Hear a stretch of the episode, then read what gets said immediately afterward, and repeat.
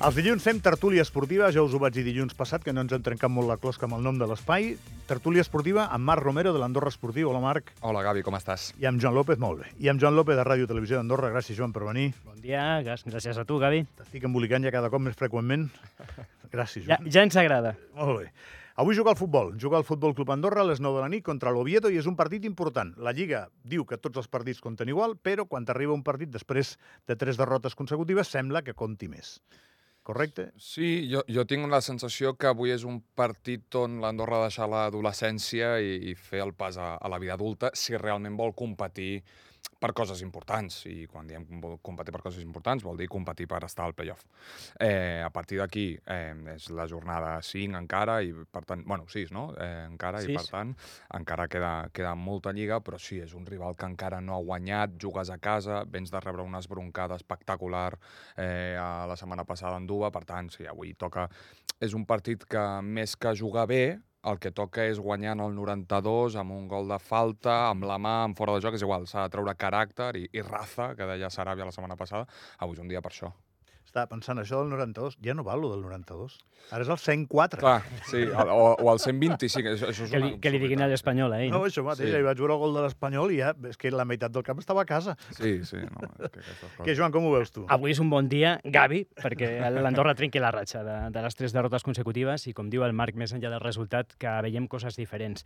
Perquè sí que és cert que venim d'una derrota dura al camp del Mirandés, eh, que fa molt mal, perquè després de fer la feina més difícil i empatar 3 a 3 en el temps afegit, et fan el 4 a 3 en el minut eh, 100, Bueno, és que o, no, 90, és o, 90, exemple, o 97 o 98, És un partit acabat. A- La nostra cultura futbolística està acabat, però encara sí. queda, ara, ara queda molt temps. Però més enllà de la derrota i que va fer mal i que va provocar l'esbroncada de l'Eder Saràbia, sí que vam tornar a veure coses que es van repetir en partits anteriors, al camp de, de la Morevieta, i són coses que aquesta setmana m'imagino que Eder Saràbia el dilluns ens deia a la visita a la companyia que volia una Andorra que mossegui. Ahir a la roda de premsa insistia en aquest missatge, més enllà del futbolístic, eh, una Andorra que ha de ser millor en les coses que el Mirandés va ser millor que l'Andorra fa una setmana, en el desig, en, en la fam, en, en tot això per, per superar el, el, avui el, el partit d'aquesta nit contra l'Oviedo, un Oviedo que, com diu el, el Marc, també és un rival potser propici, ve amb moltes baixes, i aviam si tot això ho pot aprofitar. Ens trobarem un equip que està encara al darrere, interpreto. Sí, sí, no?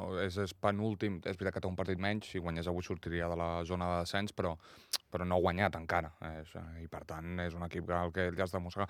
De fet, és que de les cinc jornades que s'han jugat, Leganés eh, vas estar bé 70 minuts de partit, a fases.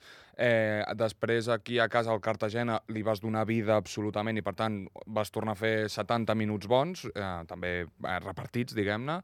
Eh, a Morevieta va ser un desastre i a Anduba doncs, eh, va ser horrorós. És, a dir, no hem vist encara 90 minuts complets eh, bons de l'Andorra. Hem vist grans moments de joc, grans moments de eh, sortir amb la pilota, fases de control al partit, fases de dominar absolutament, però sempre hi ha hagut un, un però. I avui és un dia, segurament, perquè l'Andorra faci un partit d'ofici, un partit de dir, ostres, potser no estem allò tenint 53 ocasions i, i potser... i tal", Però és un partit per dir, veieu que som capaços també de, de baixar el fang, de saber patir i de, i de, de construir a partir d'aquí també. I tinc una pregunta que no sé si, si me la podeu contestar. A l'Andorra li programen els horaris una mica raros o no?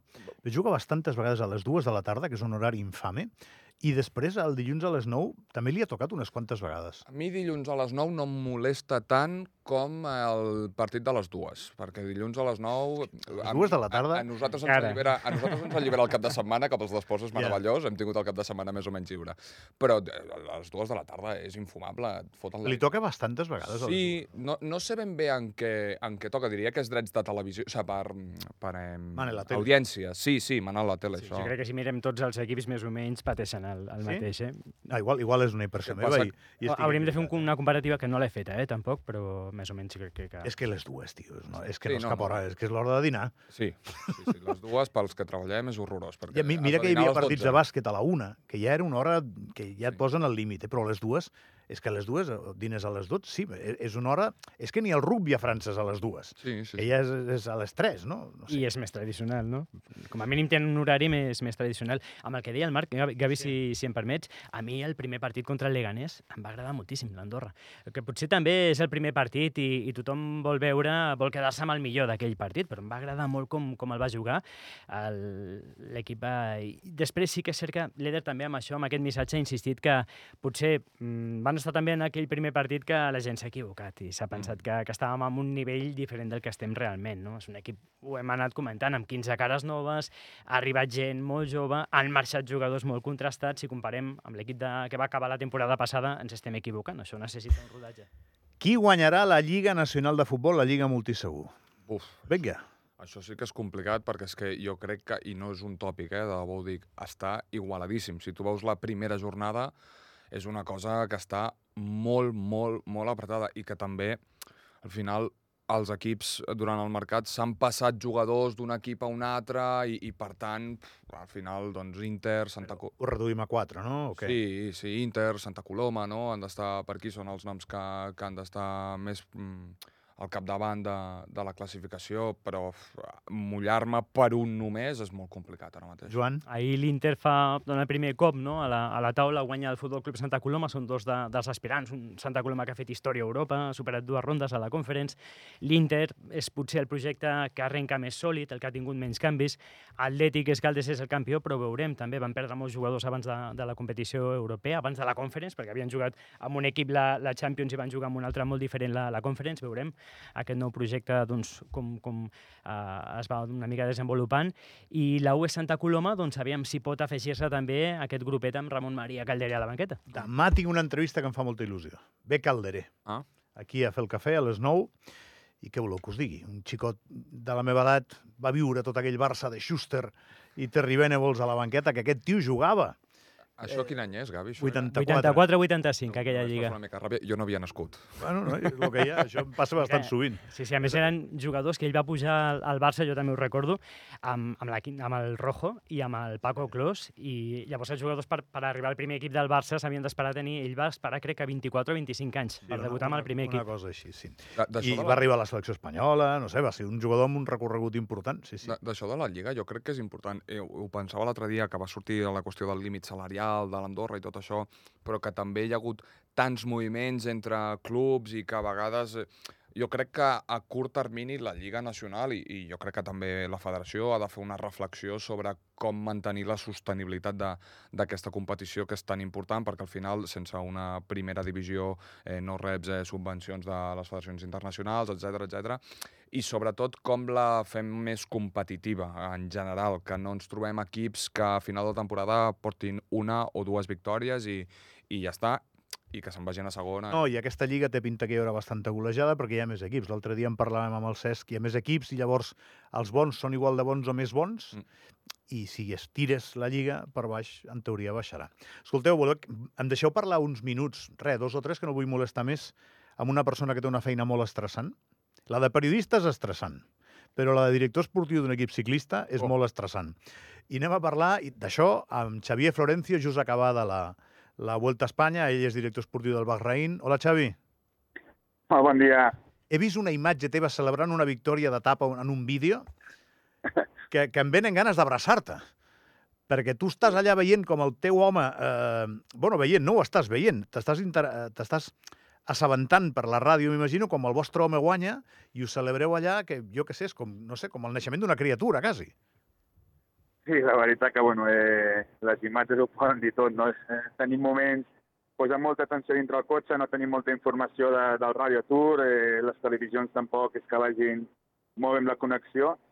I clar, quan estàs lluitant per una etapa i ja queden poques oportunitats i, i l'aconsegueixes, pues, bueno, dintre el cotxe i se celebra d'aquesta manera, no? És una explosivitat de, de 10-15 segons, després te baixen les pulsacions i, i tornes a la realitat. Estàs content de com us ha anat? Sí, la veritat que sí. A veure, jo penso que hem aconseguit la, els objectius que ens havíem marcat, que eren bastant alts, i després de la manera que ho han fet. Eh, jo penso que hem, bueno, hem pogut eh, estar presents a la cursa, sobretot les últimes dues setmanes doncs, a les etapes de muntanya, les més importants, i al final doncs, ens quedava aquest, eh, espina de no guanyar l'etapa, no? Ni que ho havíem intentat de moltes maneres i aconseguir-ho pues, a, a la penúltima etapa, pues, com t'he dit, pues, bueno, va ser una explosió d'alegria. Una última, Xavi, no et molesto més. Sepp Kuss és tan bon tio com sembla o, o té un, un agent de màrqueting que el fa semblar tan bona persona? No, no, no. És, eh, Sepp és una persona super carinyosa, es fa estimar dintre del pilot. Jo penso que, bueno, eh, a nivell professional pues, tothom l'estimem, però a nivell també de, de carrer jo crec que és una, un dels corredors més estimats. I poder guanyar una volta a Espanya com l'ha guanyat i davant dels seus companys, que són els dos millors o, de, o dels millors del món, pues, ho fa encara més gran. Hem intentat xerrar amb ell, no l'hem trobat, eh, amb tu ja vaig quedar ahir, ahir la nit, que m'alegro molt de veure't content, Xavi, que sé que es pateix molt això, alguna vegada que hem parlat del teu físic, que com diria en aquella pel·lícula, esto es muy estresante, i de tant en tant tenia alegries, doncs mira, i si és d'algú que coneixes, molt millor. Una abraçada ben gran i gràcies, Xavi.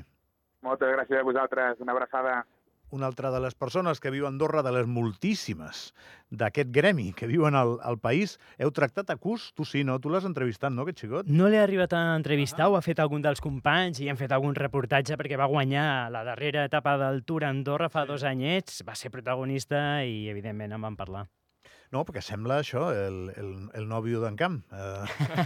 Sí, sí. Tan bon xaval, sempre content. A més, amb aquells dos cocodrils que tenia a la vora a l'equip i ha aconseguit mantenir, no sé, un, el punt de respecte per la feina seva, perquè Vindegor i, i Roglic és que semblava que se'l menjaven, no? Menja l'Angliru, eh? Allà sí que no, no es van esperar. Sí, sí, sí. I jo, jo, jo vaig veure ahir la última, un trosset d'un, del tram final de la- de l'etapa eh, i, i fins al final ha estat una volta que ha tingut emoció fins al final. Eh, L'Ali Benepul ahir també va intentar acabar emportant-se el mallot verd de, de, dels sprints i, i tot plegat, no? però ha estat una, una volta que és molt bona i que jo crec que ha posat de relleu allò que moltes vegades diem de que Andorra és territori ciclista, ho és per la gent que potser ve a passar el cap de setmana i aprofita i fa una mica de muntanya, però també eh, si ens posem a comptar, quan, ara no et sé dir el número, eh, però quants ciclistes professionals eh, són residents aquí a Andorra? Una barbaritat. I- No, no sé si està contemplat això, Joan? Més d'un centenar. Podríem dir 120, podríem dir 100 i escaig. És que és una borrada, eh? Sí.